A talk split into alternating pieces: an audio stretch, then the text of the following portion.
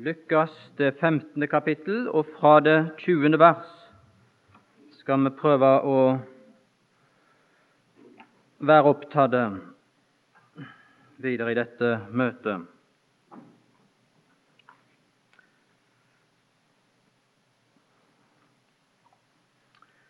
Fra vers 20. Og han sto opp. Slik begynner det. Og han hadde vel en lang vei da, kanskje. Du har sikkert sett bilder som har søkt å framstille det denne lignelseuttrykket i ord. Jeg har aldri sett noen som er vellykka. Det lar seg ikke framstille annet i den form den Herre Jesus framstilte det. For det står og han sto opp. Ja, landet var jo langt borte, det vet vi i det 13. vers. Og han sto opp, og, og kanskje han begynte på en omvendelsens vei.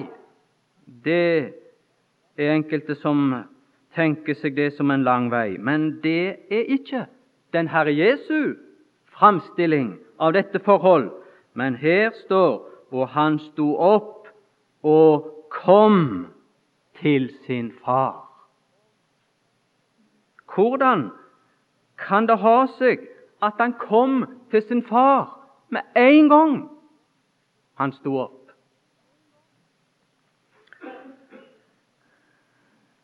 Forklaringen på det vil du finne i resten av verset, og det skal jeg nå lese. Og det er forklaringen på at han kom til sin far med en gang han sto opp. Uten en lang vei. Men da han ennu var langt borte, så hans far ham, og han ynkede sinderlig, og løp til og falt ham om halsen og kysset ham. Og det siste uttrykket der burde ha vært enn sterkere gjengitt på norsk. Egentlig så står det 'og dekket ham med kyss'. Faren handler altså fra seg sjøl og for seg sjøl, verdig som en far. Det er den kjærlighet i Guds hjerte som er grunnen til den usedvanlige hjertelighet i den mottagelse som Sønnen får. Det er ikke den ydmykhet, eller hva vi nå måtte kalle det, som du finner fra det 17. til det 19. vers. Hva motiver han hadde, hvor galne tanker han hadde, hvor manglende kjennskap han hadde til omfanget av den godhet som befant seg i det hjertet. Herren antyder altså, så langt jeg kan se, ikke at den fortapte sønn tok et eneste skritt før Faderen var om halsen på han. Han sa, 'Jeg vil stå opp og gå', men så langt beretningen rekker, så blir vi ikke gjort kjent med at han tok et eneste skritt. For når han var langt borte Og det ordet 'langt' der, det er det samme ordet som i det 13. vers, brukt i uttrykket 'landet langt borte'.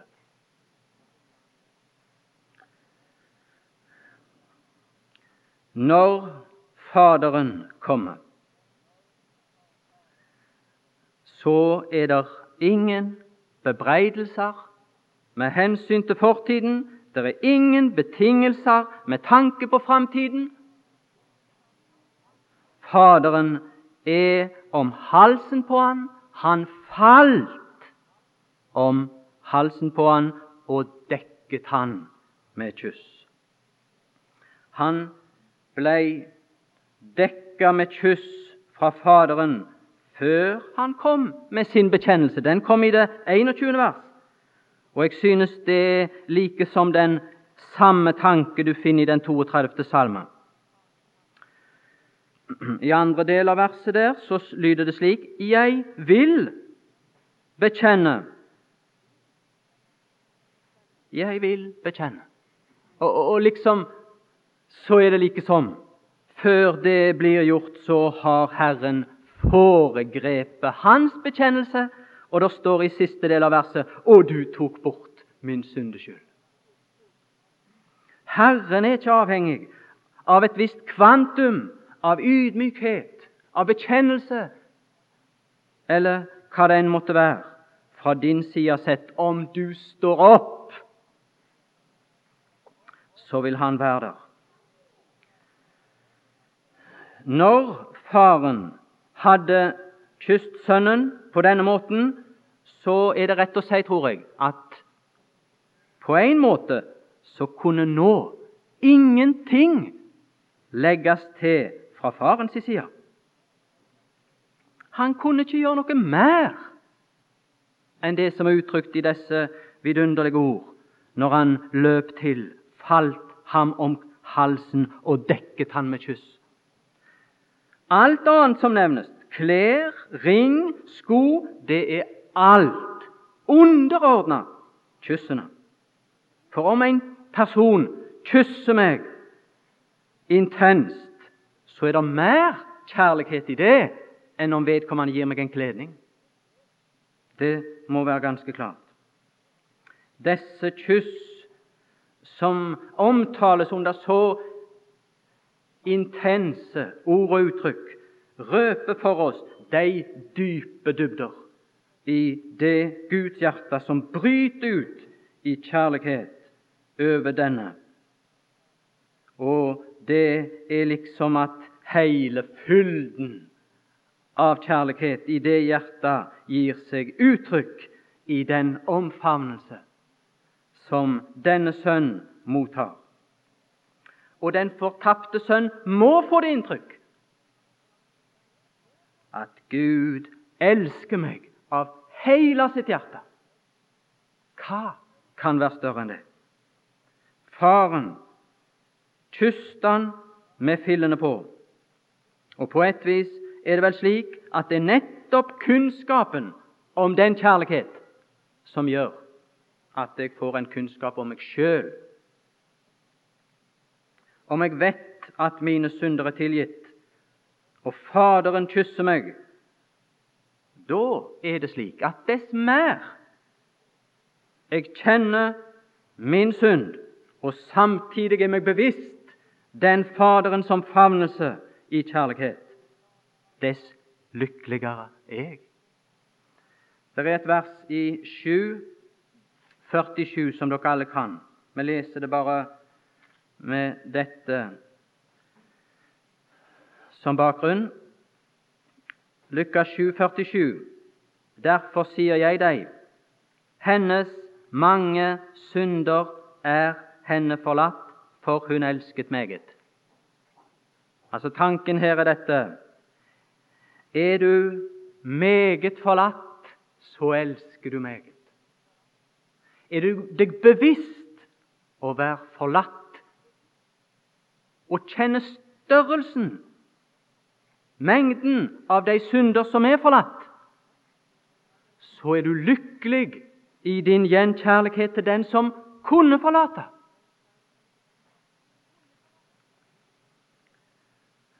La oss si at du er en kjøpmann som eh, er kommet i dårlige økonomiske kår.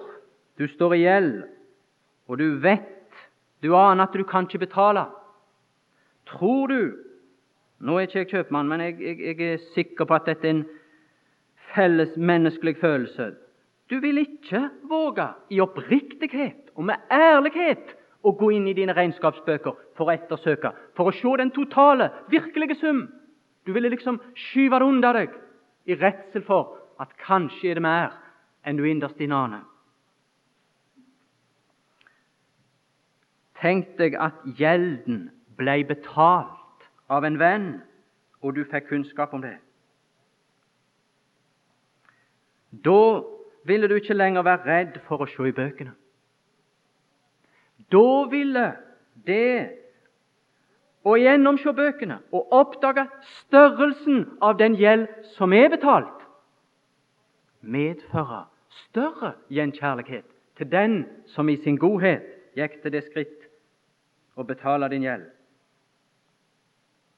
Om gjelden var ti millioner, vel, la oss si den egentlig var 1000 millioner, så ville størrelsen på den gjelder nettopp for øke din forståelse og din vurdering av vennens kjærlighet.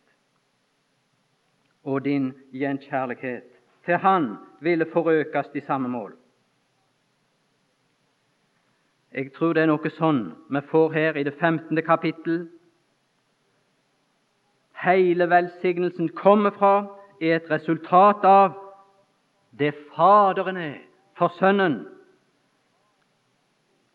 Og Faderen møter Sønnen med fillene på i en tilstand totalt uskikka for å gå inn i huset. Og Det er det som er evangeliets overraskende, utrolige budskap, at Gud møter oss i våre synder.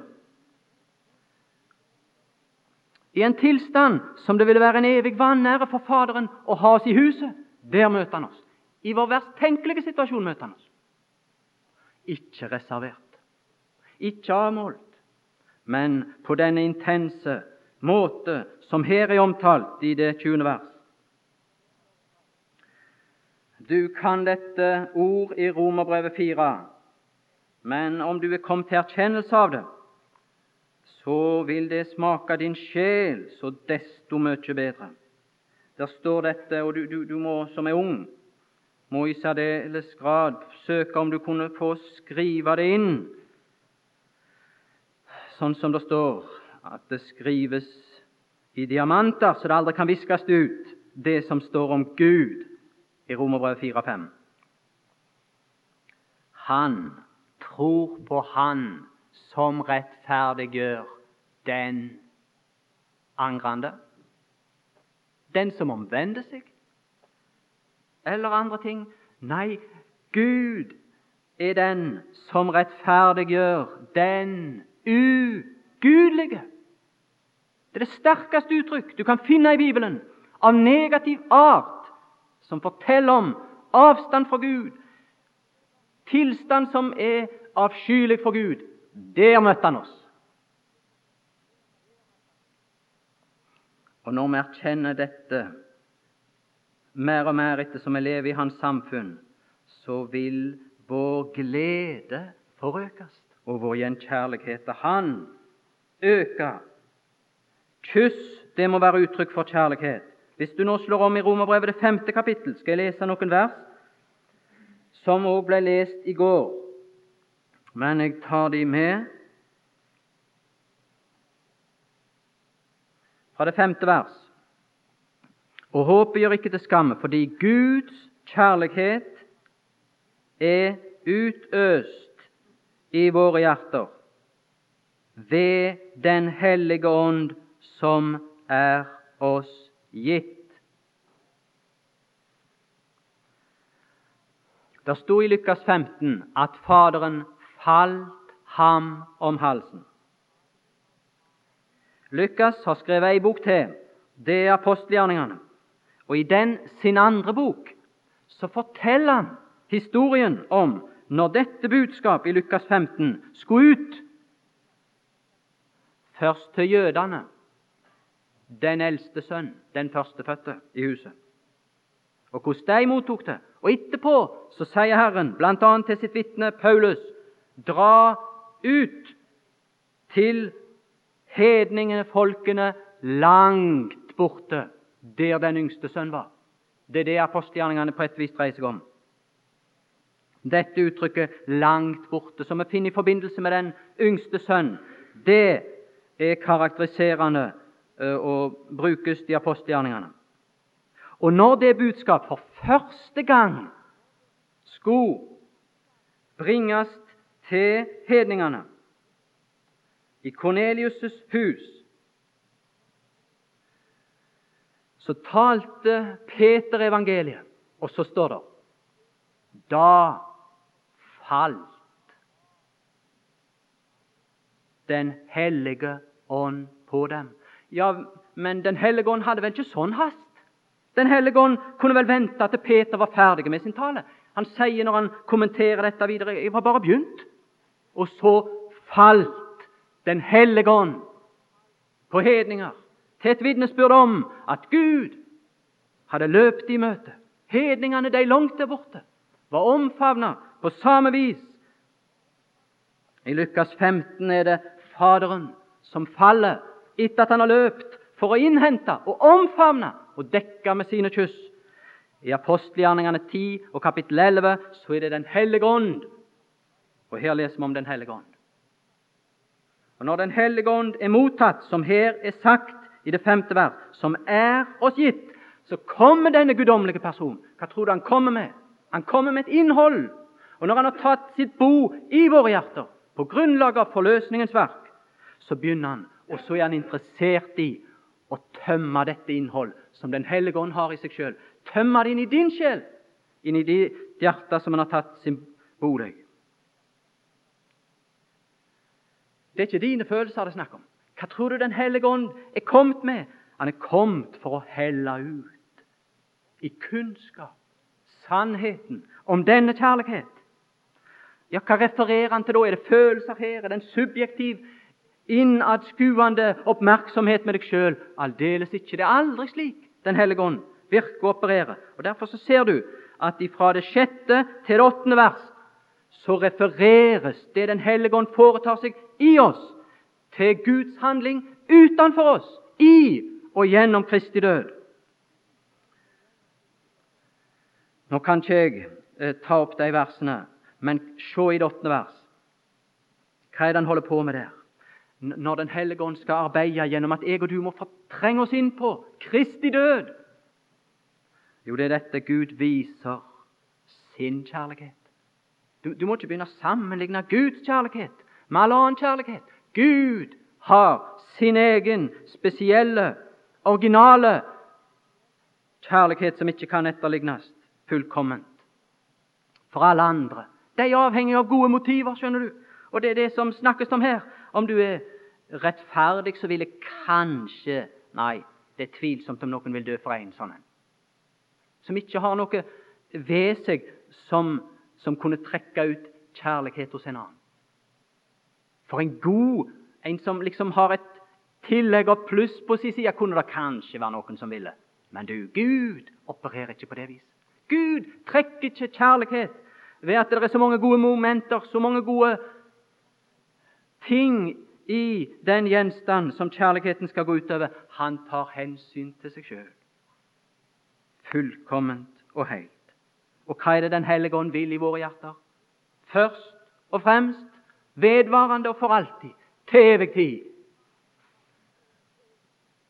Det ble sagt at dette ordet viser det gjengis på engelsk med ordet 'anbefaler'. Og Faktisk talt i Romerbrevet er det brukt på den måten oversatt. I det 16. kapittel og første verset står det at jeg anbefaler Føbe, en kvinnelig person som skulle forflytte seg til et annet sted. Altså, Hva vil det si? Jeg taler til beste for, med oppfordring om motta henne. Du, Gud har ikke bare ofra sin sønn i døden, og slik åpenbart og vist fram i den enestående gjerning i Kristi død.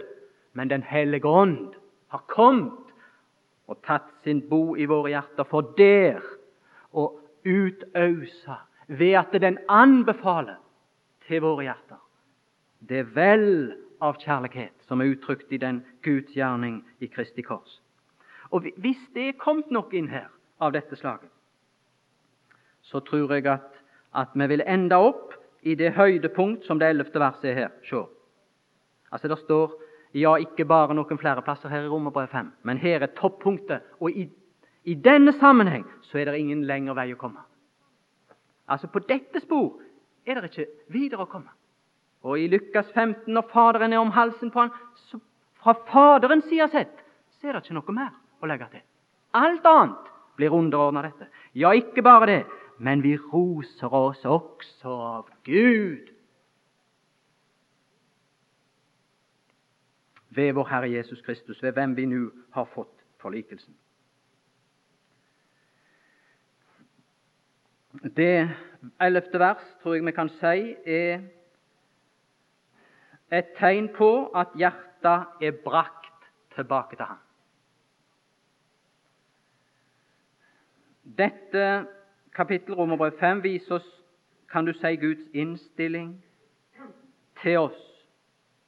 Og det vi kan si uten tvil, er dette Guds innstilling til oss er den aller beste. Ja, den kan ikke bli bedre. Den kan ikke bli bedre. Han elsker meg av hele sitt hjerte. Sønnen hadde øtt opp arven, står det her i Lukas 15. Og jeg tror nok at han tenkte da samtidig vel, jeg har vel øtt opp all godhet for meg da, og samtidig i Faderens hjerte. Han tok feil. Jeg tror jeg og du òg har tatt litt feil der. Vi går til det 21. vers. Se på det. Han sier ikke nå 'gjør meg til en tjener'. Nå når Faderen er rundt halsen på han, så kommer det ikke ut fram. Vi så at i påskefeiringen så kunne det ikke være noen dagarbeider eller tjener som tok del. Det var jo en fest til minne om utgangen fra trelldommen i Egypt. Kunne da Herren ta oss ut, og så skulle vi feire den befrielse, og samtidig være tjenere etter den samme form? Aldeles ikke. Det ville være en umulighet for Herren. Ikke i huset. Når han har møtt Faderen, og Faderen har handla ut ifra det Faderen er, så ville det være nær sagt å ringakte Hans kjærlighet og tale på den måten. Det var ikke det at Faren var likegyldig med hensyn til den onde vei bort, som vi har og kan lese om i begynnelsen av lignelsen. Og det var heller ikke det at Sønnen ikke skulle føle intenst den onde vei han hadde gått. Saken var det at han skulle føles desto sterkere. Fordi han ble tillatt dette å dømme seg sjøl og sin fortid i lys av slik usigelig nåde.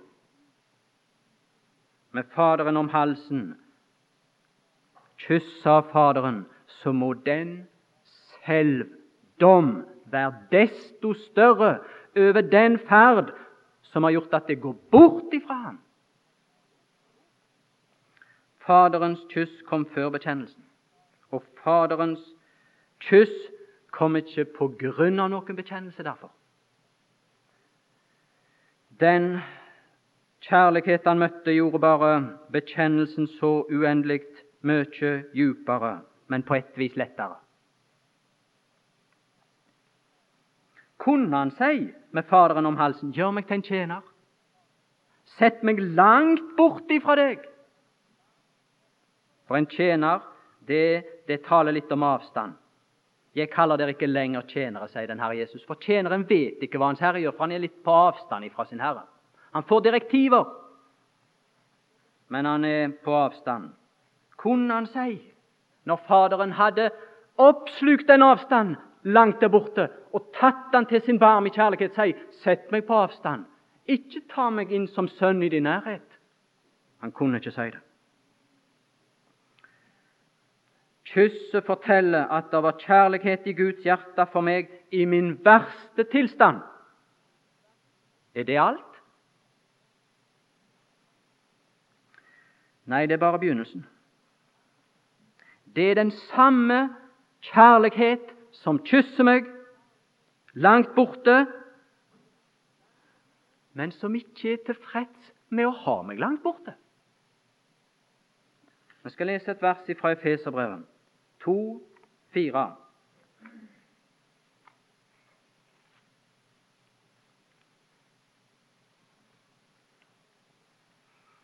Der står det slik men Gud.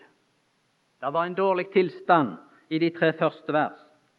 Men Gud, som er rik på miskunn. Ja, det er det i Gud. Som lar seg berøre av en elendig tilstand. Så kunne du spørre er det den elendige tilstand som er årsak til at Gud setter i gang med det som nevnes fra det fjerde til det sjuende vers? Nei. Og jeg tror det er dette uttrykk skal ta opp. Hvorfor gjør han alt? Han gjør det for å tilfredsstille sin kjærlighet. Den kjærlighet har behov. Har vi innsett det? Tenker vi bare på vårt behov? Tenker vi ikke at òg han har behov? Har for sin store kjærlighets skyld, for å tilfredsstille de behov som var der. Han så på de behov som var der. Men du, han hadde òg noen behov her. Og så greip han anledningen og tilfredsstille de behov. Og så kan du se hvor langt han tar oss. Han lar oss ikke bli der. Du kan være helt sikker. Kjærligheten er ikke tilfreds før den har oss hos seg sjøl i sin egen nærhet. Da er kjærligheten glad. Bare et par vers fra andre Johannes brev til å belegge det.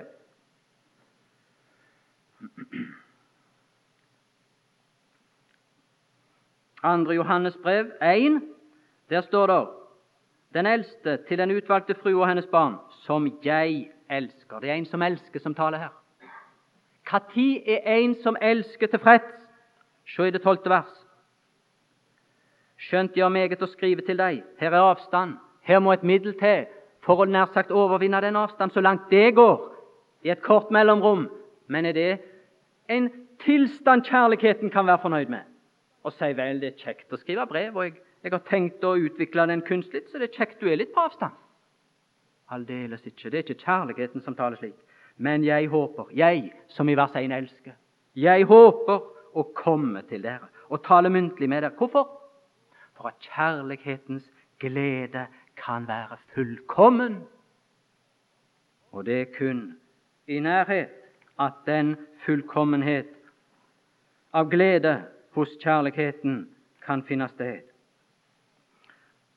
Hans kjærlighet, altså, som ønsker meg velkommen i fillene, er den samme kjærlighet som handler på en annen måte. Videre her i denne lignelse. Den introduserer oss i huset som sønner. Og det er Faderen verdig. Snakket du om verdighet i det 21. vers? Jeg lar meg ikke begrense av din verdighet eller din manglende verdighet eller din uverdighet. Det er mitt hus, og jeg har òg en verdighet, så jeg må ta hensyn til. Jeg handler etter min verdighet. Og for min verdighet er det ikke tilstrekkelig om du skulle være en tjener i huset. For min verdighet skyld så skal du i huset som et sant uttrykk for min verdighet. Du skal i huset som en sønn. Det var verdig, og det er verdig av Han som far. Og motta oss på sønneplass. Og Det neste Faderen da gjør, det er å føre han passende inn i huset. Han fører han ikke bare inn i huset, men han fører han passende inn i huset. På Sønnens side så trengs det noe nå. For at Sønnen skal være der, skikka. Og det som han ifører han da, det er kledningen. Om du er deg bevisst å være kyssa av en som elsker deg av hele ditt hjerte, så vil du aldri være tilfreds før du er skikka for å være i den selskap og samfunn som har kysteklikk. Her er det at den beste kledning kommer, og kles på han. Å, vidunderlig å gå inn i Guds nærhet og være seg bevisst og være skikka for Han som elsker meg så intenst. Hent ut den beste kledning. Den tilhører ikke den første arv. Den hadde han møtt opp.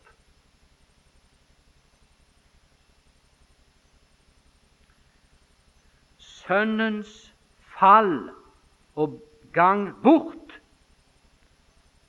åpenbarte når han kom tilbake, at det fantes i huset skjulte reserver. Skjulte reserver. Fallet viste seg ikke å ha tappa Guds forråd, men fallet var en anledning for Gud til å vise at han hadde råd forut for dette og uavhengig av dette, og ressurser til å møte dette. Den beste kledning ikler oss den største ære. Det ble han kledd i for at han skulle kunne gå inn og være et vitnesbyrd for hele huset om Faderens tanker for han og åpenbare at det var Faderens glede å ha han der i gjerdet. Faderen følger sitt eget hjerte. Faderen tar hensyn til sin egen verdighet. Og Derfor så handler han slik og stempler karakteren av den verdighet på Sønnen idet han kler han på denne måten. Vers 22 igjen. Ta frem. Egentlig så skulle det etter, så jeg forstår dette, ha stått heller ta ut eller bring ut. Nå skal jeg lese et par vers fra et annet kapittel som Lukas har skrevet, der det samme ord, verb, er brukt, nemlig i apostelgjerningene 5. Hvis du vil følge med meg der, så begynner jeg i det sjette vers. For dette er nemlig et verb ta frem. Og jeg mener det burde stått ta ut eller bring ut. Se der i det sjette vers midten av verset, og bar ham ut. Bar ut, det er samme ord. Niende vers, siste del av verset, bære deg ut. Bære ut. Tiende vers, likt. Femtende vers, likt. Bære ut, bære ut. Slik er det oversatt der. Lukas har brukt det samme ordet her, og for min del så står det klart ut ifra sammenhengen at slik burde det vært her. Ta ut den beste kleding. Du sier ikke 'ta ut' hvis du er inne i huset. Men hvis du er utenfor huset, og noe skal hentes fram ifra huset og bringes ut, da kan du si 'ta ut'. Og Det er jo det som er ganske klart at Faderen var ute når han møtte Sønnen. Han var der borte, langt der borte, og så ble kledningen brakt til han der. Men med en gang kledningen er på han, og det er jo det som gjør at dette kan ikke gå an å gjengis i et maleri eller hva som helst. Med en gang kledningen er på han, så er han i huset.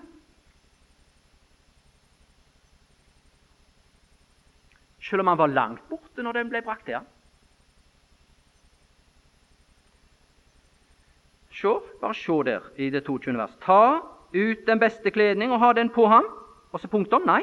Og gi han en ring på hans hånd, sko på hans føtter. 23. vers. Og hent gjøkalven og slakt den, og la oss ete og være glade. Og Hvis du leser videre ned i versene, så ser du at det skjedde i huset, dette. For når den eldste sønn kom nær huset, så hørte han det var der inne det foregikk. Og Faderen gikk ut. Dette foregår i huset. Det er der gjøkalven nytes. Den beste kledning skikker oss for å gå inn, og med en gang vi er skikka, så er vi ifølge lignelsen der. Den beste kledning. Du la det bibelske uttrykk stå som det er, for det er den beste kledning. Det hadde vært skapninger i himmelen kledd som vel nok var godt nok kledd til å være der. Men du, det var ingen før som hadde vært kledd som de som var ikledd Kristus. Når Kristus kler oss ifra topp til tå, når vi er antatt i den elskede, tatt opp i gunst i den elskede, så må du skjønne at ingen engel kan si 'Kristus er min rettferdighet'. Men du, den svakeste troende, kan med frimodighet si at Kristus er min rettferdighet. Det er den beste kledning. Ikke redusere uttrykket. Den kan ikke bli bedre engang. Det er noen som har sagt, eller jeg har lest en plass, at han hadde nok fillende unna for å bevare han ydmyk. Er det slik i Kristus? Nei, det er ikke slik i Kristus. Derfor, dersom noen er i Kristus, da er en ny skapning. Ja, hva med det gamle? Ja, det er vel en lang prosess? Nei, det gamle er forganget. Se, alt er blitt nytt, og det etter en nyhet av en ny art som passer til den nye skapelse, der Kristus er alt.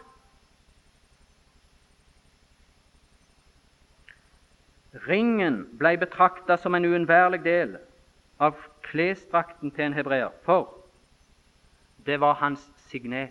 Når han skulle besegle noe, så brukte han ringen. Jeg kunne lest en del skriftsteder om det, men det tror jeg ikke jeg vil gjøre. Tida den løper fort. Når du finner det i allerede de første uttalelser om ring i Bibelen, så er det alltid signetring det er snakk om. Og For meg det bør vi ikke ta så lang tid, men for meg så, så, taler dette om at Faderen på en måte viser han denne gunst, setter dette stempel på han. Et tegn på verdighet, offentlig ære og verdighet, og jeg tror i forbindelse med denne sønneplass som han nå skulle ha.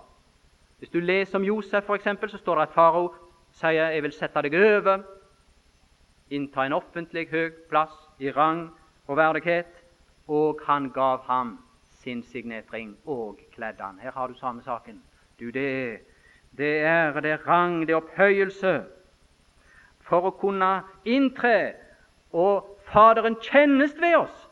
Det er ikke bare at Han skikker oss for det, huset, men Han kjennes ved oss. Og Han har gitt oss et innsegl.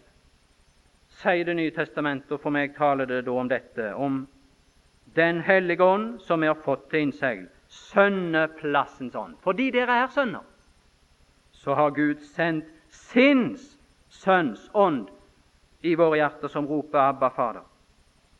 Slavene de gikk barføtt i huset. Bare sønner gikk med sko i huset. La, la alt det nå ligge. Så kommer vi til det 23. vers. Og hent gjøkalven.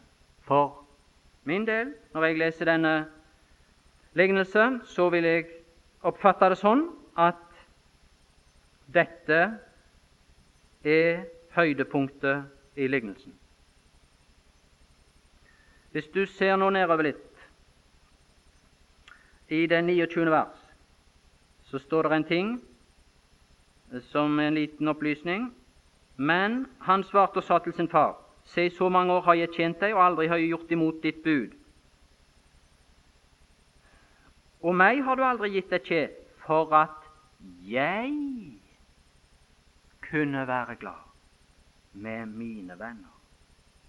Altså, Da ville det skje vært uttrykk for den eldste sønns glede, som andre kunne ta del i.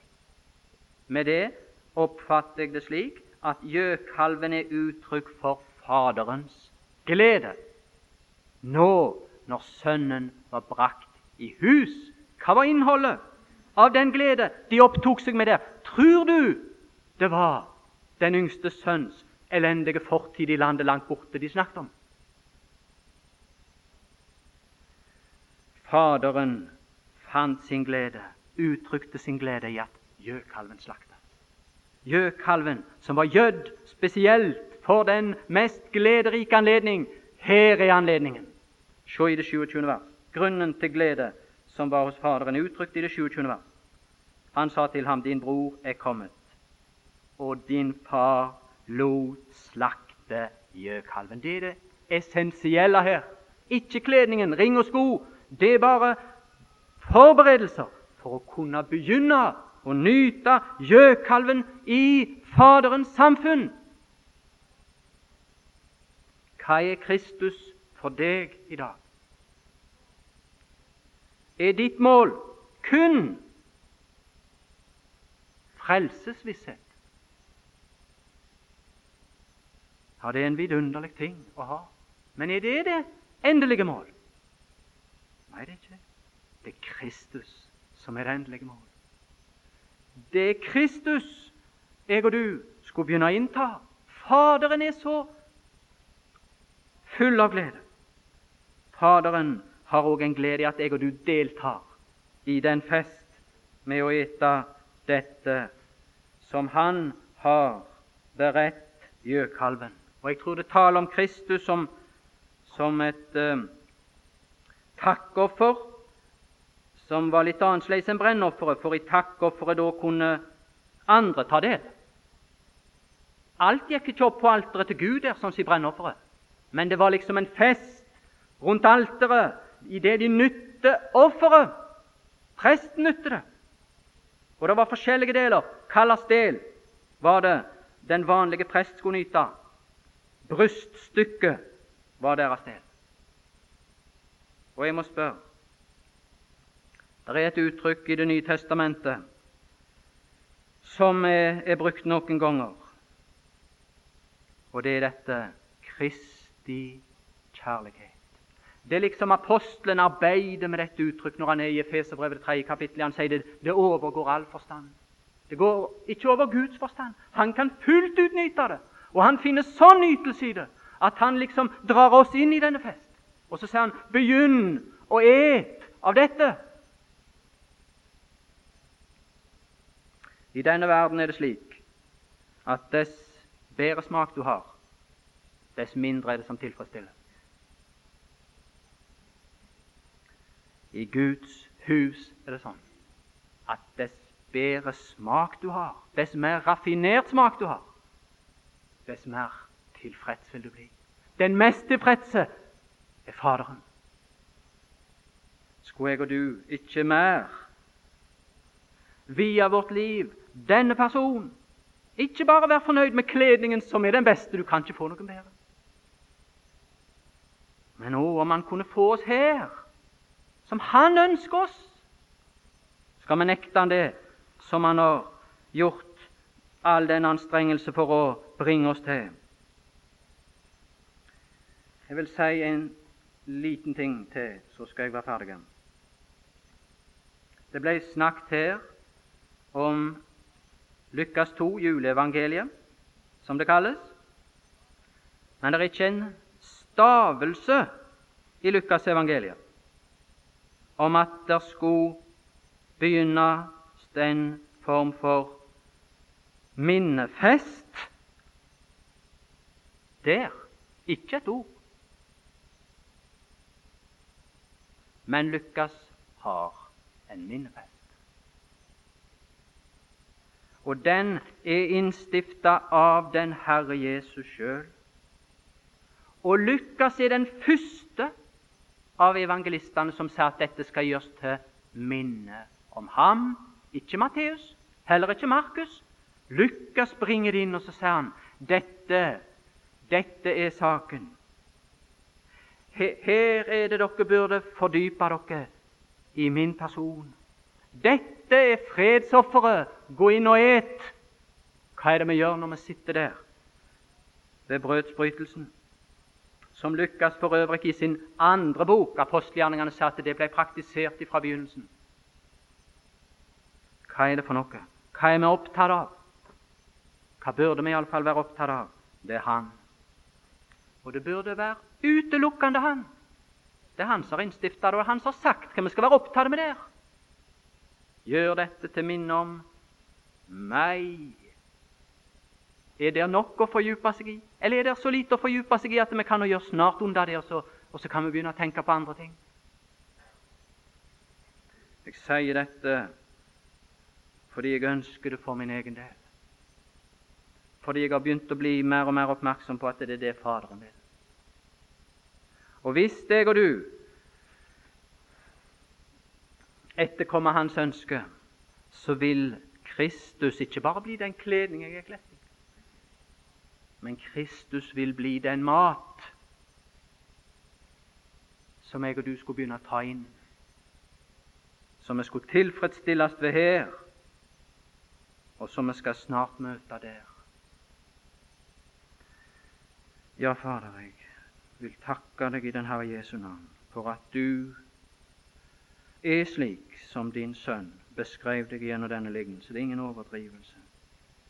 Det er ingen upassende uttrykk Lykke for oss er dette at du er slik. Og så er denne lykke ikke mindre ved at du vil forbli slik. Lykkelige skal hver og en av oss bli som tror på din Sønns navn i denne verden. Fyll oss med lykke for ditt åsyn og i ditt nærvær mens vi er her. Så kunne kanskje det òg være et vitnesbyrd til våre omgivelser.